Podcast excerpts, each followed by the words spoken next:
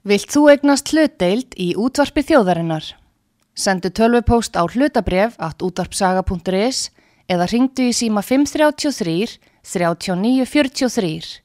Útvarpsaga stendur vörð um tjáningafrelsið.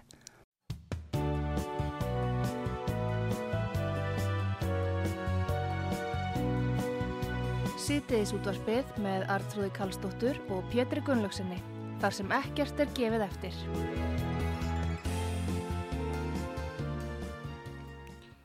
Góðir uh, hlustendur, þeir að hlusta á útvart sögu, ég heiti Pétur Gunnlaugsson og ég ætla að ræða við hann Vilhján Birgisson, hann er formaði verkalýðsfélagsins á Akranis í Sæl og blessaði Vilhjánur. Já, hvað er blessaði fyrir? Nú, uh, verðbolgan í fullum gangi geysist áfram og uh, fyrsta spurningin er hvað getur verkalýðsreifingin í landinu gert, Vilhjánur? Já, þegar að stórtir spurt verður rosalega fáttið svörar að þannig maður orðið koma. Þetta Já. er að við rétt sem þú segir að við erum hér með verbulguna núna í tæpun 10%, við erum með stýrivexti í 7,5% og uh, við erum með leigumarkaðin hér eins og uh, blóðugan vývöld og við höfum kallað eftir því í verkefnisreifingunni að stjórnvöld koma þessu borði koma því borði með þeim hætti að slegin verði skjaldborg utanum uh, þá sem að er á leikumarkanum þar sem að staðan er hvað erfiðustu. Við kölluðum eftir því í kjærasamlingunum 2019 og höfum gert það uh, margóft að hér verði sett einhvers konar leigubremsa sem að komi veg fyrir það að leiguverð rjúti hér úr öllu valdi svo það hefur verið að gera þar sem að fólk er með vísitölu tengda leigusamlinga þeim er að hækka þetta frá svona 2 og upp í 7-8 krónur í hverjum einasta mánuði. Uh, því miður hafa stjórnvöld uh, stungið höfðun í sandin eins og sönnum strúti verið að gera og, og, og þeir gera og ekki verið tilbúin til að horfa uh, framann í okkur hvað þessa erfiðu stöðu varðar og þetta ástand það fer bara vestnandi með frá degi hverjum og núna vorum við að kynna í gær eða, eða varða sem er rannsóknarstofnum vinnumarkari sem BSRB og ASI eru, eru hérna aðilar að. Og þar kemur bara fram að næstur helmingur launafólk næð tæplega endur saman frá mánuði til mánuðar og þetta er staða sem er gjörsamlega óþólandi því að það þýðir ekkert fyrir okkur í verkefnisreifingunni að vera semja hér um launahækkan við þetta 30, 40, 50, 60, 70, 80 krónur á mánuði ef að allt annað, uh, allir aðrir uh, uh, útgjaldapóstar hækkaðu miklu, miklu meira heldur það sem við erum að þemjum. En stjórnmálamennir í raun og veru eða strykistjórnin er að varpa ábyrðinni yfir á Sæðlabankan. Sæðlabankastjóri staðhæfir að íslenska hagkerfi sé sjóðheitt og er þá vantarlega með því að bóða frekari vakstahækkanir. Hvað segir þú þetta? Ég held að það sé æði margt sem bendir til þess að þrátt fyrir að það er ekkert sem bendir til þess að hækkun og stýrivöxtum leiði til þess að við náum tökum að verbulgunni. Þvert á móti. Við skulum hafa það í huga að Sæðlabankin er búin að hækka stýrivöxti 12 sinnum í röð og ef að 13. hækkunin kemur núna 24. mæði þegar næsta, næsti ákvörðunadagur Sælabankans uh, er að uh, þá trúi ég bara ekki öðru heldur en Sælabankin átti sig á því að þetta stýritæki er ekki að virka með þessum hætti og þá spyr maður sig af hverju er þetta stýritæki ekki að virka eins og það virðist gera í öðru löndum svarið við þeirri spurningu er að mínum dómi einfalt Það er einfallega vegna þess að við erum hér með annað lánaform heldur en e, gengur og gerist í þeim löndu sem við erum að bera okkur saman við eða með öðrum orðum. Það eru e, verðrið lán sem standa fólki líka til bóða þar sem að vextinnir á slíkum lánum eru minni heldur en óvertriðu lánum en hins vegar gera verðrið lán ekkert annað heldur en að hækka fyrstu 27 árin frá því það er tekið Þannig að höfustóllin vex og vex og vex á meðan að óvertröðulánin lækka. Ef við værum ekki með verðtrykkingu á húsnæðislánum, þá bara trúðum ég, þá í fyrsta lagi þá væru vextinir ekki svona háið og í öðru lagi myndi Sælabankin aldrei nokkuð tíman undir neinum kringustæðum hækka stýrivextina þetta bratt vegna þess að greiðslu geta og greiðslu þóla almennings er takmarkum hátt. Þeir myndi ekki geta hækka vextina svona mikið nema vegna þess að öllum lántökund, uh, uh, allt fólk sem þarf að taka húsnæðislán, því er vísað yfir í verðtröðu lánin. En uh, ríkistjórnin, hún í raun og veru, Miljámur, varpar frá sér ábyrð á verðbólkunni og hún virðist komast upp með þetta. Af hverju? Hvernig getur það verið að þeir segja, já, þetta er innflutt verðbólka og síðan þarf Sælabankin að hækka vextina. Þeir ger ekkit annað, þeir hafa hækkað þjónustugjöldin, við vitum það, það er þenslamarkað, það, það var mældur hagvöxtur, það fór yfir 7%, svo mm, tókuð hann niður í 6, eitthvað í fyrra. Og, og það er byllandi hagvöxtur líka. Og hérna, en þeir segja við berum enga ábyrg og getum ekkert gert í málinu En, en af hverju komast þau auðvitað geta þér gert heil mikið, eða hvað segir nú það? Hvers vegna komast þér upp með þetta? Mér, mér finnst einhvern veginn að þeir vera eins og þeir séu stykk frí. Hvað finnst þér? Já, uh, þetta er, þetta er, þetta er feikilega góð, góð, góð spurning. Það liggur alveg fyrir að, að uh, sko vaksta hæk, nei hérna gjaldskrár hækkanir, krónutölu hækkanir og annað sem að, að stjórnur komi með um áramótinn það var þess valdandi að janúarverbolgan var að stórum hluta knúin áfram vegna gjaldskrárhækkana ríkistins og sveitafélaga og þeir bera klárlega ábyrð á þeirri verbolgu sem þar e, átti sér stað. Í síðasta mánu, takt eftir, núna e, í síðasta mánu þá hækkaði e, neysluvísetalanum 1,31% og 0,47% af þeirri verðbólgu var knúin áfram vegna hækkunar á húsnæðisverði. En á bakvið þá hækkun voru einungis örfáið þinglistir kaupsamlingar. Þannig að þetta kerfi sem við erum með er algjörlega ganlið og rótið og þarf að endur skoða hvernig við erum að mæla neysluvísturna hér á landi. En uh, Viljámur, vantar í raun og veru skinsamlega umræðu, vantar raunverulega umræðu til dæmis í háskólasamfélaginu eða akademíinu um uppbruna verðbólgunar, orsakir, hvers vegna verðbólgan er svona há núna, við höfum haldið því fram hér og ymsir haldað því fram að þessar miklu, mikla stöðning sem að ríkið veitti ákveðnum aðum, 450 miljardar fór í það í COVID, sömur fengur stöðning, aðrir ekki eins og gengur í þessum, uh, þessum styrkveitingum hins kerfisins, uh, verður ekki bara eiga sér stað meiri, uh, og ég minnist á akademíuna sem virðist nú vera bara stein, stein döið það heyrist nú bara ekkert í henni hún verðist bara styðja kerfið alveg miskuna laust og, og hérna hún fjallar ekki um uppruna afleiðingar, verðbólgunar og, og hvernig er hægt að koma þá með einhverja fræðilega skýringar á því hvernig hægt er að draga úr vestu afleiðingunum. Hvað segir um þetta? Ég bara tek undir þetta með þér og mér finnst bara þetta, þetta akademíska umhverfi innan háskóla samfélagsins getur verið að e, þetta sísten Háskólu Íslands og allir þessi sérfræðingar sem að þar starfa og, og ætti að vera dálítið svona ábyrjandi í því að akkurat að greina þetta sem þú varst að nefna getur verið að þetta fólk getur aldrei háð innu ofinbæra í formi fjárveitinga og annað, annað slíkt. Ég vetti bara stórlega fyrir mér hvort að hagsmunum séu bara einfallega þannig að þetta fólk, fólk tjáist um öðrum hætti heldur það raunverulega myndi gera ef það væri ekki háð hinnu ofinbæra. Að því vorum að tala áðun um, um skattahækkanindar hjá stjórnvöldum uh, í januar, þá skrifa ég nú um það að 53% verðbólgun í januar, hún var á ábyrg stjórnvölda. 53%. En þá hækkaði sko neðsvístalum 0,85% á milli mánada og 0,45% var bara vegna skattahækkana stjórnvalda. Svo, ke svo kemur þetta sama fólk og talar um það að verkalistefingi þurfa að sína hér ábyrði í, í, í, í hérna, e, launahækunum og okkur, allir skuldin er alltaf skellt á okkur það eru 0,45% þarna. Í síðasta mánuði sem ég var að segja rétt á þann, þá var það vegna hækkunar á, á, á, á fastegnaverði á örfáum íbúðum sem að gerði það verkum að vístalan hækkaði um 0,47% út á húsnæðisvinnum.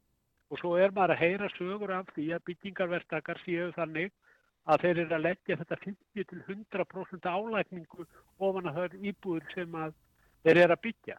Grækin vilist vera algjörlega tömlaust og mér finnst það bara umhugsunar efni fyrir sveitafélög að vera að afhenda slíkum byggingarvertökum e, lóðir sem að síðan leggja kannski alltaf 100% álækningu á það íbúður þegar þeir síðan byggja. Í þáu hverja er slíkt. Vegna þess að eiga þakk yfir höfuðið, það er bara mannúðamál. Það er bara mannúðamál. Og þetta á að taka þetta algjörlega út fyrir sviga varðandi alla græti og annað slíkt. Að, að, að, að skuli e, vera hér 50-100% álækning á slíkar íbúðir e, sem að renna síðan til, til einhverja byggingavertaka, það finnst mér kallið. Já, en, en það sem ég var að tala um akademíuna hér áður fyrr, sko, það var kannski meirum það að skrifa voru greinar í blöðum, kannski er fólk hægt að lesa hreinlega uh, svona texta, uh, það kann að er miklu minna um það nema kannski á samfélagsmiðlunum, en þar fari ekki kannski fara, fara, kom ekki og byrtast svona greinar, fræðilega greinar um þetta sem að svona upplýstur almenningur vil gætnan heyra, en það er ekkert að gerast í þessu málu núna. Ég hugsa að vannþekking á verðbólkunni sé meiri núna en þegar hún geysaði hérna í gamla daga, hún var enda meiri þá eins og, eins og staðan er menn halda bara að þetta sé einhvers konar náttúrulegumál. Já, og svo mána kannski líka bara pyrnum við segja það og vera, bara vera alveg hreistinni að, að trúurðuleiki eins akademiska umhverfis beðið nett í rauninu þegar að sko, þessir aðilar stökku hér fram og stöðu að við erum kúpa norðusins ef við myndum nú ekki greiða sko, skuldir vegna þessir. Þannig að sko, trúverðuleiki kakvað þessu fólki sem var að tjá sig þá, hagfræði profesor og aðri slíkir Já. sem að letu þessu orðum fall, frá, sér, frá sér fara. Já. Hvað er trúverðuleikin? Hvernig er þetta að taka marka á þessu fólki? Það, það, í mínum höfu er það bara að vata hægt, bara fyrir geðu. En, en, en núna er bara staðan orðið þannig, Petur, og ég segi það alveg hreitt út Já. og ég finn það og, og það er óbúslega sko, maður er hálf sár og svegt yfir því að að gengi hér frá kjærasamlingi þar sem við vorum að hækka launum alltaf 70 skrónu á mánuði handa láttekki fólk krónutölur sem að ég hef eh, sko ekki hitt áður fyrir mínu fólki. En þessar hækkanir sem við náðum fram eh, hafa allar þurkast upp vegna gríðarleira kostnæðarhækkan á öllum sviðum. Að sama hvort það er leiguverð eh, afborgunir af, af, af, af eigin húsnæði, leikskólagjöld, matvara, bifriðagjöld, e, tónstundir þetta börnum, bara nefndu það. Það er allt búið að hækka svo rosalega að allur ávinningurinn og meira til, hann er bara búin að þurkast upp. Og, og þegar að maður sko stendur í þessu sporum að horfa upp á þetta með þessum hætti, þá verður maður eiginlega öllum lokið og það sem er að gerast núna líka í íslensku samfélagi er það að það er ekki bara þeir sem að höllustu fæti standa í íslensku samfélagi sem eiga orðið í erfileikum að láta endan á skama frá mánuði til mánuðar og halda mannlegri reist heldur er millitekjufólkið okkar Já. að lenda í þessari stöðu líka. Millitekjuhópatir sem að í raun og veru halda hverju samfélagi uppi fyrir sig, þar sem að neyslan fer aldrei mikið fram, þar sem við náum að að keira hættirun okkar áfram, það er reikið mikið áfram á millitíkjumfólkinu, en þegar að þessir hópar ná ekki orðið endum saman, þá er orðið rosalega stutt í það að það bylli upp úr pottinum. Það bara, bara lokir heldur ekki leng, lengur við. Og það er það sem ég held að, að muni jafnvel gerast á næstu mánuðum. Ég, ég hef áður sagt að ég þætti hjá því Petur að það eru 634 miljardar Já. sem að heimilin eru með í formi fastra vaksta. Endurskoðun, vaksta endurskoðun á þessum lánum, e, förstu vöxtum, mun koma núna til endurskoðun á næstu svona 12-24 mánuðum. Og þegar að það gerist, að þá mun e, vaksta greiðslur og vaksta byrði þessara lána rúmlega tvöfaldast. Þannig að heimili sem er kannski að greiða núna 90.000 krónir í vakstakjöld á mánuði, það mun þarf að greiða 180 til 200.000 kapp á mánuði e, þegar að e, endur skoða nátt í stað. Þessir fjármunir, þeir eru bara ekki til staðar. Og hvað verður gert við þessi heimili? Jú, þeim verður öllum vísað beint inn í verðtriðu lánin aftur og taktu þá eftir. Fólki losnaður viðjum og hlekkjum verðtryggingar með því að komast í óverðtrið lán fyrir nokkrum árið síðan þegar vextinni lækuðu og fólk er búið að vera að nota sérregnarsparnaðin sinn til þess að lækka hjá sér höfustólinn vegna þess að við höfum aldrei notið þeirra forréttinda íslendingar að geta sér lánin okkar lækka. Nei. Það hefur bara aldrei staðið til bóða. Núna stóða til bóða, fólk hefur notað sérregnarsparnaðinu, það úrræði sem að stjórnul buðu upp á, en ef að fólki verður aftur rekið yfir í verðruðu lánin, þá munu þessi fjármunir sem að fólk hefur látið af hendi rakna af sérregnarsparnaði sínum, það mun þurkast upp á einhverjum, einhverjum mánuðum. Þetta er, þetta er algjörlega sorglegt að sjá ef að þetta verður raunin. Nú í raun og veru erst að segja það að það er þjóðfélagsbreytingar er að gerast að hluti af millistjættinni hér á landi er að verða að láleina stjætt. Já, Það, liggur alveg fyrir það liggur alveg fyrir að, að sá hluti millistjættarinnar sem er á læri, svona, heldur læri launum og skuldar í sínu húsnæði, það er svolítið mikið hún er orðin að láleina stjætt með áframhaldandi vakstasefn. já, með, með, með þessari vaksnastefni og þessum öllum þessum gríðalegu kostnæðarhækunum sem að dinja á almenningi, Já, þá er, eru þau laun sem að töldust kannski bara fokkalega millitilgjur fyrir kannski tveimur árum síðan, einu tveimur árum síðan. Þetta eru bara verða sko laun sem að duga ekki fyrir nöðþurftu frá mánuði til mánuðar. Það er það sem ég er að segja. Og það er fyrst og fremst bara vegna þeirra gríðalegu kostnæðar hækkana sem að dinja á okkur dægin út og dægin inn. Var bara í fréttum í morgun að fyrir tveimur mánuðum þá kostaði sko rjóminn 640 krónur, hann kostar 710 krónur í dag, þetta er bara svona lítið dæmi, öll þurfum við að nota rjóma hugsa, hugsa ef þú ætlar að sko hafa sósu með, með kjötunu hjá þér eða, eða, eða, eða whatever, þá kostar það bara 710 krónur að taka eitt pela rjóma. já, Þetta er allt orðið svona. Mm, og ferð ekki út í þessar láguruveslanir í dag, það er bóttfylli í póka og þetta er bara ekki, þetta, þetta er um eða yfir 10.000 krónur bara nokkri Þa- þa- Þetta er bara skólabóka dæmi. Þetta fyrirkomulag sem við erum með hér í íslensku samfélagi núna, Já. það bara gengur ekki upp. En afleiðingar uh, verðbólgu auðvitað eru, eru hér mjög viðtækar, sérstaklega í vaksta verðtringamálum eins og þú talaður um og, og þar með í húsnæðismálum. En er ekki, uh, Viljámi, ástandið í húsnæðismálum hér á landi orðið bara von lítið? Ef við lítum á tölurnar, við skulum fara út í tölurnar og uh, við skulum byrja á, á að hlusta á ymsa sem hafa komið fram og benta á tölunar í þessu samhengi. Og það getum við byrja á nýjum fósita ASI, hann var í Kastljósi gær. Hann talaði um það að á þessu ári eru þau byggðar 1200 íbúðir. Það átt að byggja 3500 mismunur sýnist mér vera hátt í hérna tvö, þá er mismunurinn á þessu. 2300? já. 1300? 1000 og uh, já, meira. Nei, 2000 og þr- 2300. 2300 já, síðan bætast þessi 2300 sem vantaði á þessu ári yfir á næsta ár sem verða 3500 vantarlega þá þarf í raun og vera að reysa 6000 íbúðir árinu 2025 miða við þessa spá hans núna skilur.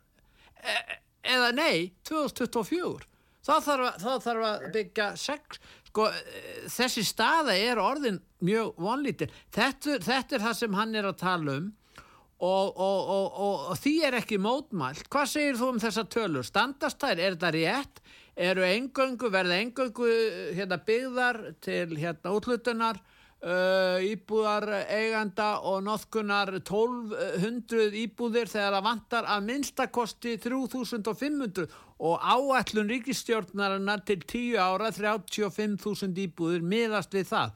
Hvað segir um þessa tölur, Viljámur? Já, já, ég meina, vantarlega er, er Fimbjörn fórstastalsins með, með þessa, þessa, þessa tölur uh, hérna réttar og það er alveg rétt. Já. Það hefur mikið talað um það að þetta reysa svona yttir svona 3500 íbúður eru 1200 íbúður þá vantar þetta 2300 íbúður Já. upp á Já. og takk til reynu, það var nú bara sko frétt um daginn þar sem að Sælabankastjóri kom og hitti hvað efnaðs og viðskiptanemn þar sem hún var bent á það að, að, að, að, að fjölgun á mannfjölda hér á, á landi fyrstu mánuðina ég man ekki tölna, hvort það voru þrjú þrjúðust mann sem er eitthvað. mjög mikil, mesta fjölgun á, á Vesturlöndum, það er ekkert öðruvís. Já, og, og það er ekki tekið tillit til, til, til þetta þannig að 3500 íbúður er sérlega van áallar skiluru Já, og það sem er að gerast, gerast núna þegar er búið að frista hústæðismarkaðin eins og, eins og búið er að gera núna já, að halda verktakar að sér höndum um að fara í frekari verkefni vegna þess að þeir ná ekki að skelja þær íbúðun og þe- þeim eru nú þegar klárar vegna þess að þeir enginn gegn greiðslumat. Svo þegar léttist á þessu þá kemur áhlaup á þær íbúður sem að verða til sölu þær seljast upp á núleitni ef að þannig maður orði komast Mm. og, og, þá þarf að byrja, byrja þurfa þær að byrja aftur skilur við mig og hafa kannski haldið þessir höndum í einhverja marga marga mánuði. Þannig að við erum alltaf að elta skottið á sjálfum okkur. Þannig að, að þetta, þetta, þetta fyrirkomulega það bara gengur ekkit upp. Höldum af, að já, ha, gjörðu svo vel, allt áfram. já, ég, ég segi, sko, e- e- ef við förum ekki átt okkur á því það eru mannréttindi að geta haft tak yfir höfuði og við þurfum bara að búa til þannig regluverk í kringum það að, að, að, að fólki sé gert það kleif.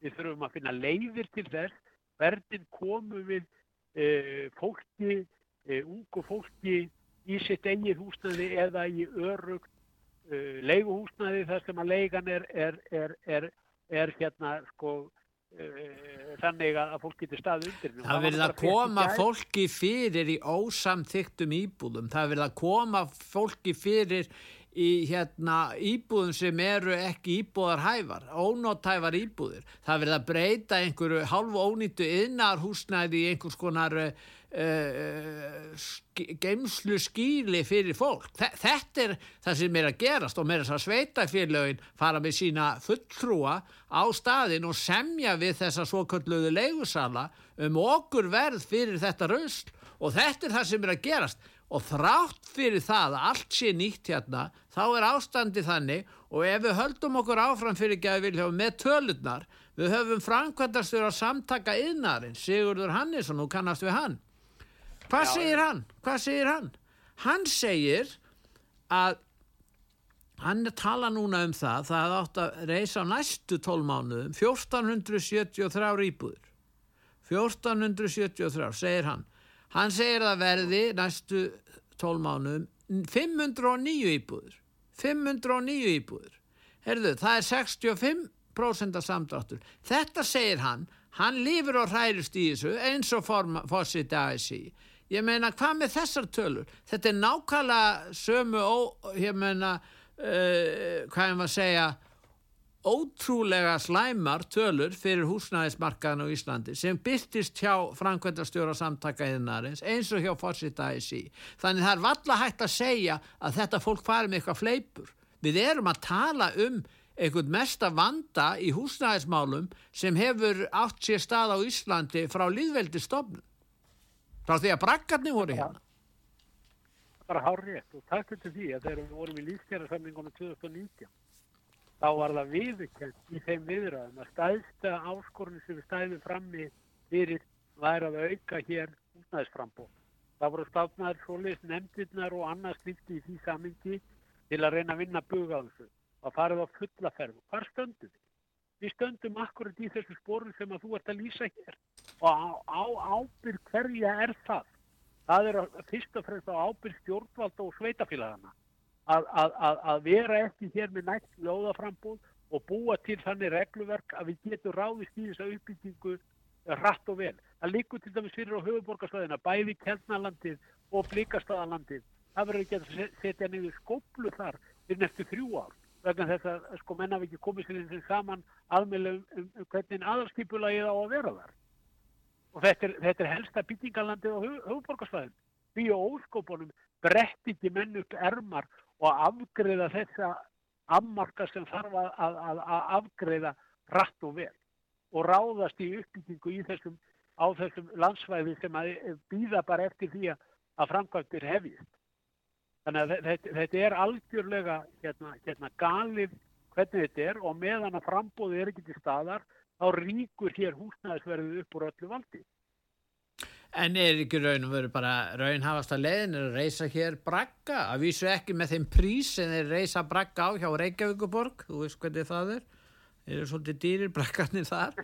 En, en, en sko, nei, ég er raun og veru, menn er að tala um gámabygg, menn er að tala um ósamþygtar kallara geimslur sem húsnæði og akkur ekki þá að reysa bragga. Ég meina, sömur bruggu í bröggum, ég þekki fólk en það dag í dag, fólk sem lifir í dag sem bjó í bröggum og og það þóldi það ágætlega og fannst það bara ágætt að þetta borga litla sem enga leigu en, en ég bara tala í fúlustu alvöru það verður að, að, að verður að vera húsarskjól og síðan erum við að fá miklu miklu fleiri inn í landið og það er ekkit verið að hafa neina áhrif á það það má helst ekki tala um það og við erum að tala um minnstakosti 8000 flottamenn á þessu ári sem koma við að og þeir verða sennilega mun fleiri það eru tölur sem benda til þess Svo hvernig ná að, hvernig ná að leysa húsnæðisvanda fyrir utan alla hýna?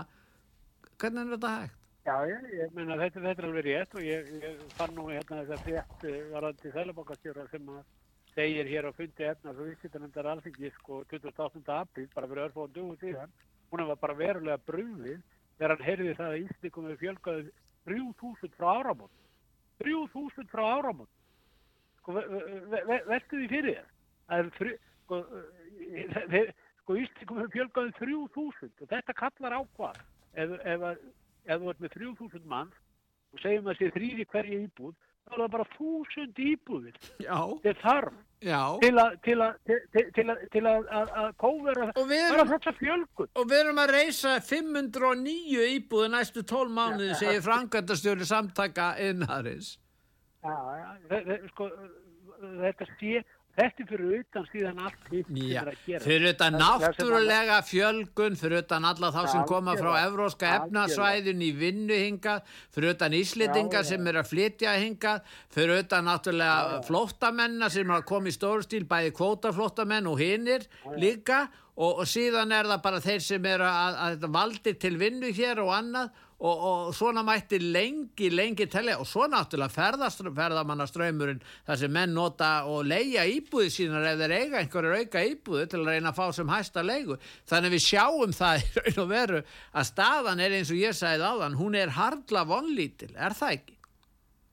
Hún er harla vonlítil og þú glemtir þessar upptalningu, ágættu upptalningu svo að snöða aðan fólki sem býr í foreldrahúsum. Já, unga fólkið, náttúrulega fjölkum unga, unga, unga fólkið og býður eftir því að komast út á húsnæðismark það er í auknum mæli þar sem að kannski fólk er búið að finna sér maka það þarf að búa heima hjá foreldrunum vegna þess að það fær ekki túsnæði og getur ekki stopna fjölskyldu getur ekki stopna fjölskyldu. Get, get, Nei, nei, getur ekki stopna fjölskyldu. Þetta er bara ástand sem að ég hérna hef orðið sko verulegar áhyggjur af gagvart öllum hinnum atriðunum sem við síðan ég nefndi til viðbótar á þann sko. þannig, að, þannig að þessi staða er erfið en ég trúi því ekki að það sé ekki að ráðast hér í, í, í þær kerfisbreytingar sem til þarf til þess að ráða, ráða hérna bóta ég bara trúi því. En Viljámur, það er verið að tala um núna í sambandi við vextina.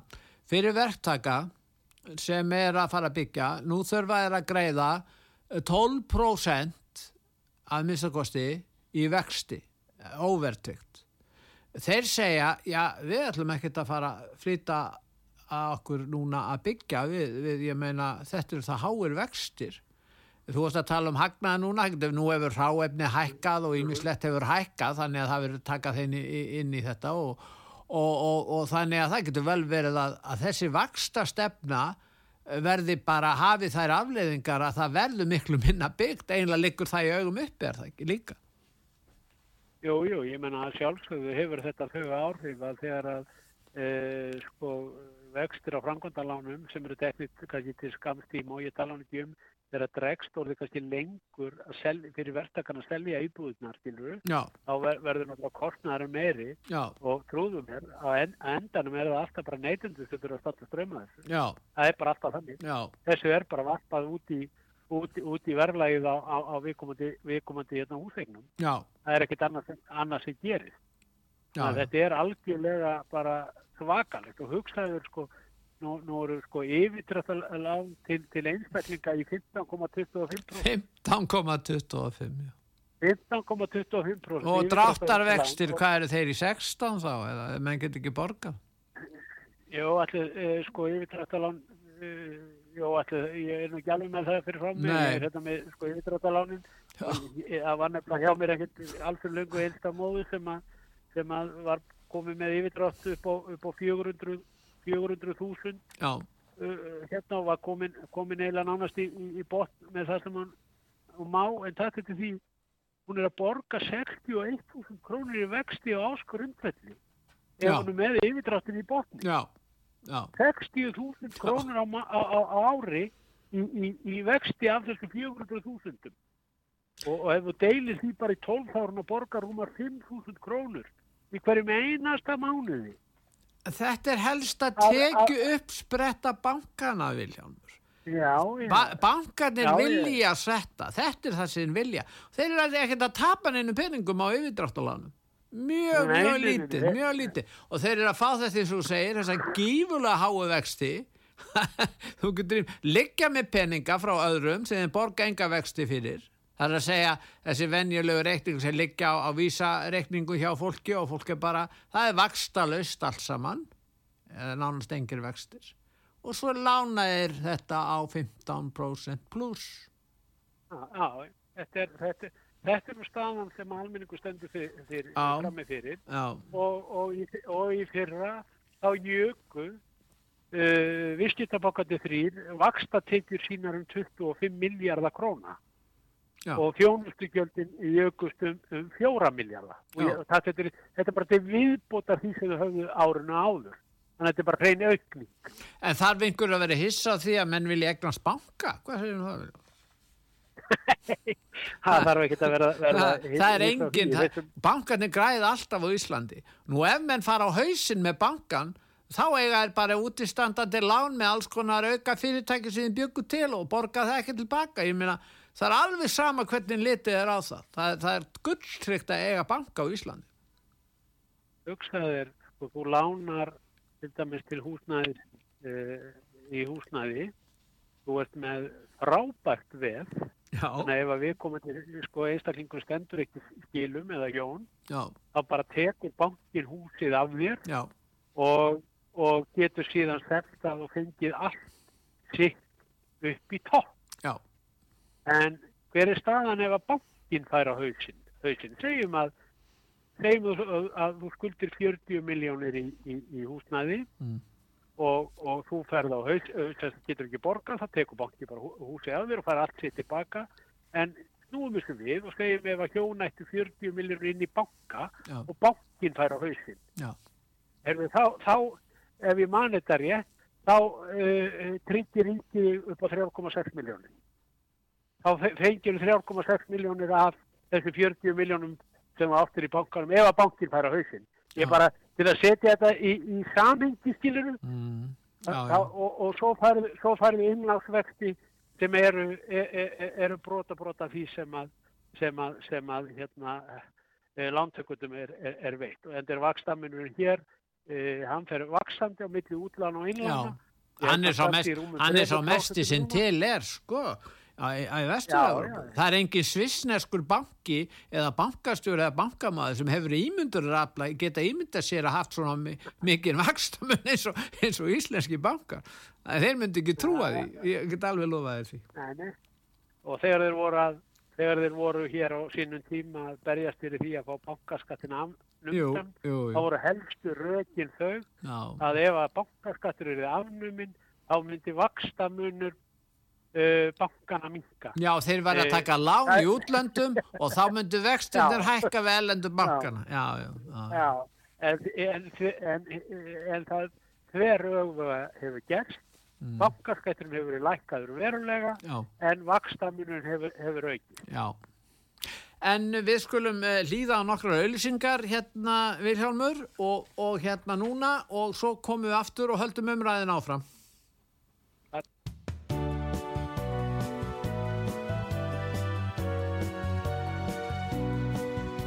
Sýtiðis útvarpið með Artrúði Kallstóttur og Pétri Gunnlaugsinni, þar sem ekkert er gefið eftir.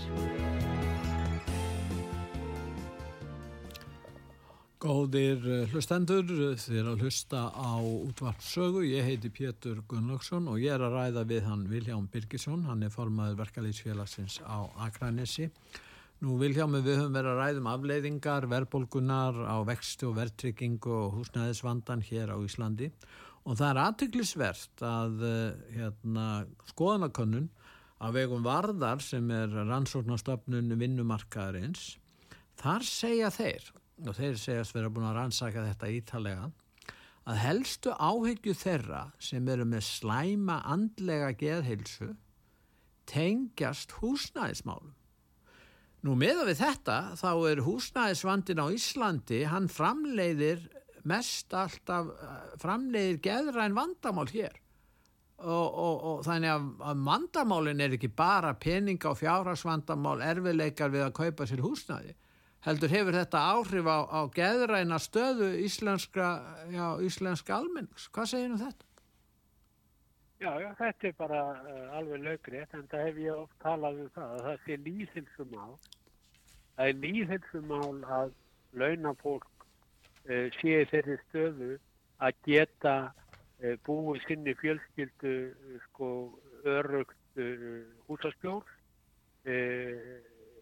tryggt að fólk eigi fyrir nöðfyrtum frá mánuði til mánuðar því að ef að það ekki gerist þá er alveg ljóst að slík fjölskylda sem að býr við til dæmis húsnæðisóveriki það sógast náttúrulega bara inn, inn í myrkur vonleysis og, og, og, og annara hluta sem leiða til þess að bæði líkamleg og andleg hilsa viðkomandi fjölskyldu rakar og munum það að oft á tíðum á bakvið svona fjölskyldur eru síðan börn. Og það kom nú út skýrsla nýlega frá Evrópuhópi barnaheilla þar sem kom fram að á Íslandi búa 10.000 börn við fátækt 13,1% íslenskra barna búa við fátækt og þetta er náttúrulega eitthvað sem að bara við getum ekki sagt okkur við í einu ríkasta landi í, í, í Evrópu að við séum hér með sko 10.000 börn sem búið við slíkar aðstæður. En nú segir, ef þetta er rétt, að hagvöxtur er á bylunni fyrra 6-7% að búist við hagvesti núna, ég veit ekki hvað tölur þeir eru að tala um, það er mikill ferðamannastöymur. Nú, launin er að lækka vegna verðbólkunar, þar að segja að hækkuna á launum eru læri heldur en verðbólkan nefnur síðan er þessi hagvastur hver er að, að taka svona mikið inn? Fyrir þetta náttúrulega bankana við erum náttúrulega búin að tala um það. Þeir eru náttúrulega móka inn þeir, það er sem aldrei verið að byggja hagnaði þar en hvað aðrir aðilar eru það sem eru það? Því að minni lítil og meðalstór fyrirtæki sem er að greiða herri leigu og, og allavega það, er hérna, minna frambóð og atvinnuhúsnæði ef menn alltaf fara að stækka við sig og og það eru nokkur fyrirtæki hér í, í svokallu hérna, fjárfestingafélag sem að stjórna hér markaðnum á því sviði sem kemur niður á, á þessum minni fyrirtæki sem aftur verða að hækka verðin hjá sér þannig að þetta spilar inn í svo marga þætti samfélagsins sko, Viljámur Já, já, ég menna það líkur til þann fyrir að fluttningskortnar til og frá landinu já. Eh, það gerðist í COVID að fluttningskortnar nánast tvöfaldæðist Uh, og, og sá kostnær hefur að mjög litlu leiti komið tilbaka. Það þarf ekki nefn að skoða ákomutölur einskip þar sem að hagnaður þar hefur rótið upp úr öllu valdi. Það líkur líka fyrir að byrjar og framleiðindur hafa verið að hækka hjá sér eh, hérna, vörur til vestlana mjög mikið þannig að það er oft kannski má segja daldið svona ósangjant að ráðast alltaf bara byggt á vestlununa Já, vegna þess að hún er reyndar fronturinn en það eru byrgjarnir og framleiðendurnir og síðan hið opinbera í formi ymsa skattabreitinga sem hafa leitt kannski til herra vöruverð, við getum tekið elsneitisverð, Mm. það hækkaði hér um áramóti krónutöla, kró, bara fasta krónutölu, sem bytnar mjög hlutfastlega verst á þeir sem eru með lögustu björinn, þannig að þetta er svo margir þættir sem að þarna spila inn í, en byrgjar og framleiðendur hafa svo sannarlega verið að, að, að varpa e, kostnæðarhækkunni til vestlana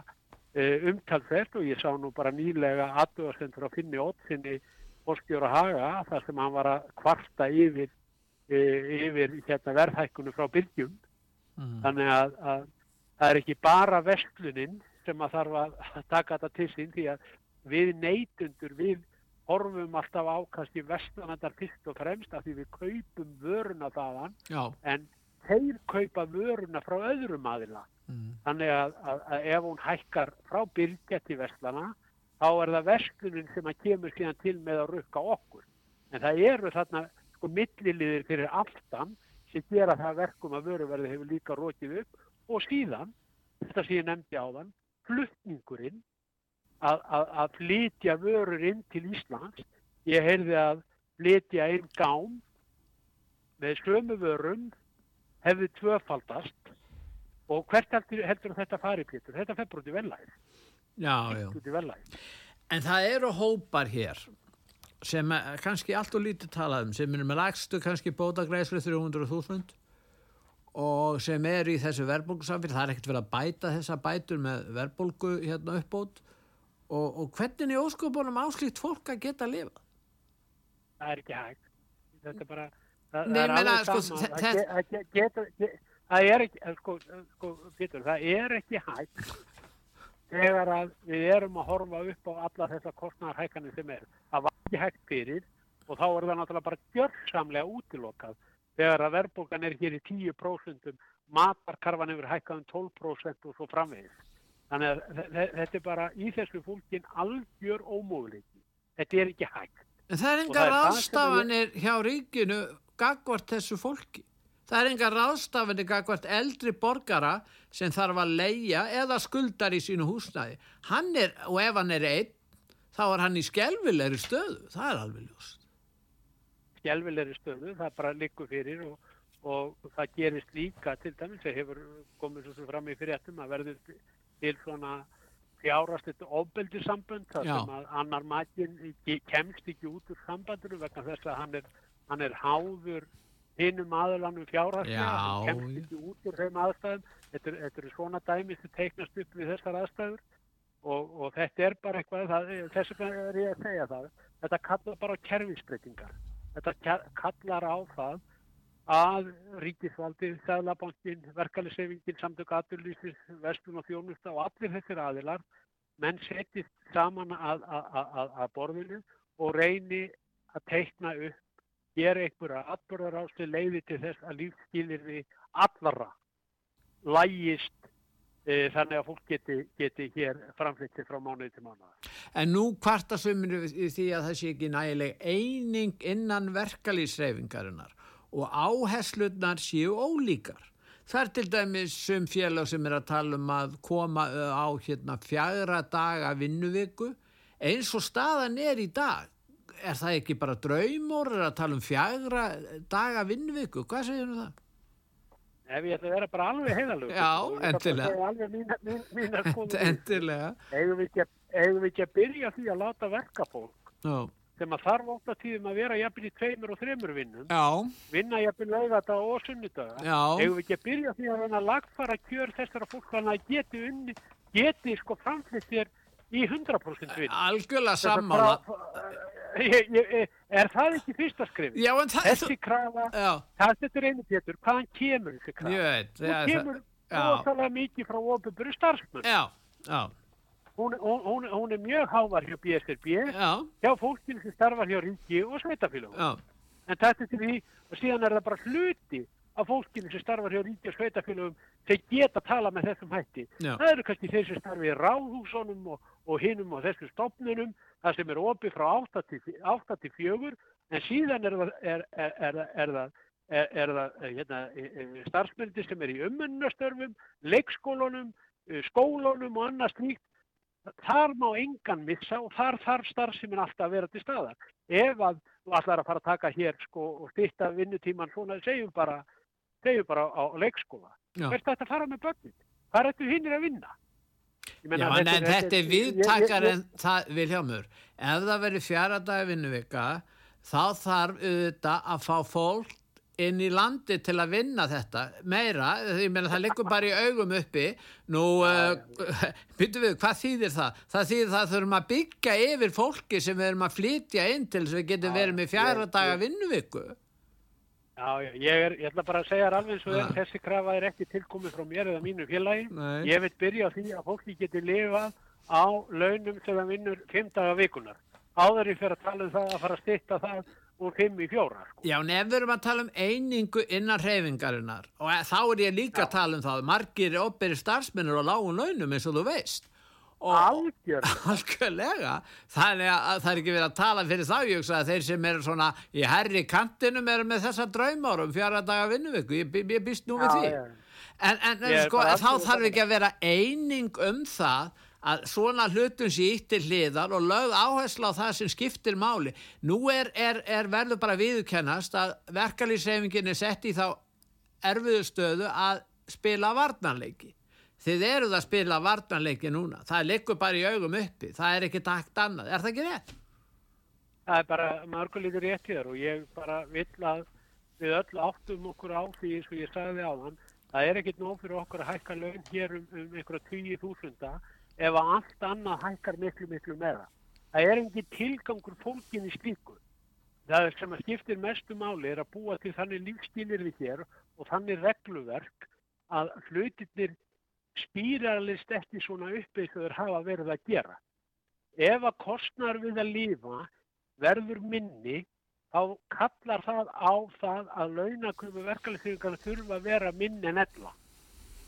Þa, það, er- það er bara starrið. Við erum alltaf að elta það að þegar að húsalega hækkar hér um 50 skrónur kannski á einu ári, þá þurfum við að sko semja 70 skrónur launahækku til að ná bara 50 skattinu. Já. Reynum að stoppa þetta af þannig að, þannig að við þurfum ekki að vera eftir alltaf skottið á sjálfum okkur og við höfum þurft að vera að gera. En það er eitt uh, atrið í sambandi við umræðina. Nú gætlega dæmis ég var að tala um könnun áðan frá rannsóknarstofnum vinnumarkaðarins, þeir eru að skoða þetta og þeir segja að staðan sé best, vest, lang vest hjá einstæðum foreldrum. Það mátti búast við, það hefur lengi verið þannig. En spurningin er þessi, þegar verður að tala um að bæta kjörin, þá eru teknir ákveðin hópar fyrir. Auðvitað eru til einstæði fóreldrar sem hafa það ágætt og svo er það eins og gengur. En er þessi hópur, ég ætla ekki að efast um það, að hann standi illa víi. En er ekki bara vond pólitík að fara alltaf þá leið að taka fyrir þessa hópa sem hafa það vest, reyna að bæta þar ástandið að einhverju leiti og svo bara halda áfram uh, með sömu stefnu í bankamálum, verðtryggingamálum, vakstamálum og Já, svona. það, þarna, er ég sammálaði, Já. Pétur. Ég, ég, ég, ég tek undir þetta með þér. Að, að segja hér, við erum búin að finna eitt hóp að laga það, Já. en síðan höldum við öllu hinn og rugglun á. Já, Nei. já, það er, Ég- það, ég- það- það, er ég- það sem þeir gera sérstaklega háluna fólki í þinginu og annars staðir í kerfinu það já, segir, já, já, æj, æj, æj þannig eru einstaða mæður sem hafa það svo bátt, við skulum hækka badnabætur hjá þeim, eru þið ekki happy núna, hvernig er þetta þetta er ég- sem þeir taka skilur. Já, þe- þetta er nefnilega ekki nægilega gott að horfa bara á tilfæslukerfin og segja bara við skulum laga bara þessa hópa svo getur allt annað hitt fengið að vera óbreytt og við höldum bara sama rugglun áfram. Já. Ég segi nei við því. Ég segi við þurfum að gera þetta samhliða. Við þurfum að fókusera á þessa hópa sem að standa höllustu fæti með einhvers konar aðgerðum. Síðan verðum við líka að ráðast samhliða í því að lagfæra kerfið sem að lítur að þessum okurvöxtum, verðtryggingunni, húsalegunni og öllum þessum þáttum sem að hér spýra, spýrallast upp og, og, og keira áfram þannig að ráðstöðuna þykju fólk uh, halda alltaf áfram að læka. En, en að sjálfsögðu verðum við samt að fókusur á það hópa sem standa hvað vest og reyna að koma þessu fólki til bjargar. Ég er til dæmis algjörlega og finnst það svona skjóta skökku við þegar við erum að tala um vakstabætur. Já, Vakstabætur, sko, Já. ég, ég segi það bara alveg nákvæmlega Já. ég finnst það galið. mm. Ég finnst það galið að skattgreðendur eiga að fara niður greiða okkur vext í fjármálakerfi. já, Ég veit miklu frekar að vextir bara lækki. Að þeir bara lækki. En að það eigi ekki að koma í hlut skattgreðanda að þurfa að fara niður greiða okkur vext í fjármálakerfi. Þá er bara verið að segja nákvæmlega sama þú varst að segja áðan Pétur, að þá er bara verið að segja, heyrðu, við skulum bara borga bara hærri vakstabætur, Já, já. þá geta bankarnir fengið að halda já, áfram að hækka níðast á vextina. fólki. Þeir segja það líka, Já. bankarnir svo hrifnir af því, bankafrádrætti, þá geta þeir hækka vextina. Já. þetta, Ég, ég, lít, ég lít, lít hins vegar öðrum augum að batna bætur já, jú, jú. við, við batnafólk er annað þar Já, ég jú. tek það út fyrir sviga Jú, Ég jú, ég segi- átti ekki heldur við það beint þannig, Vilhelm, ég átti við það þegar að menn eru að fara í þessa að leið í, í, að að lag, lagfæra vandamálin í samfélagi með þetta drag út á hópa sem eru vestsettir og, og reyna að, að, að hérna, hlaða utan á þau mál og sleppa hinn. Já, ég, ég skilji, ég, ég veit hvað þú meinar en, en ég held að aðalmálið sé hjá okkur núna að, að, að ráða stýrista kerfisbreytinga samriðu því að reyna að fanga þessa, þessa hópa.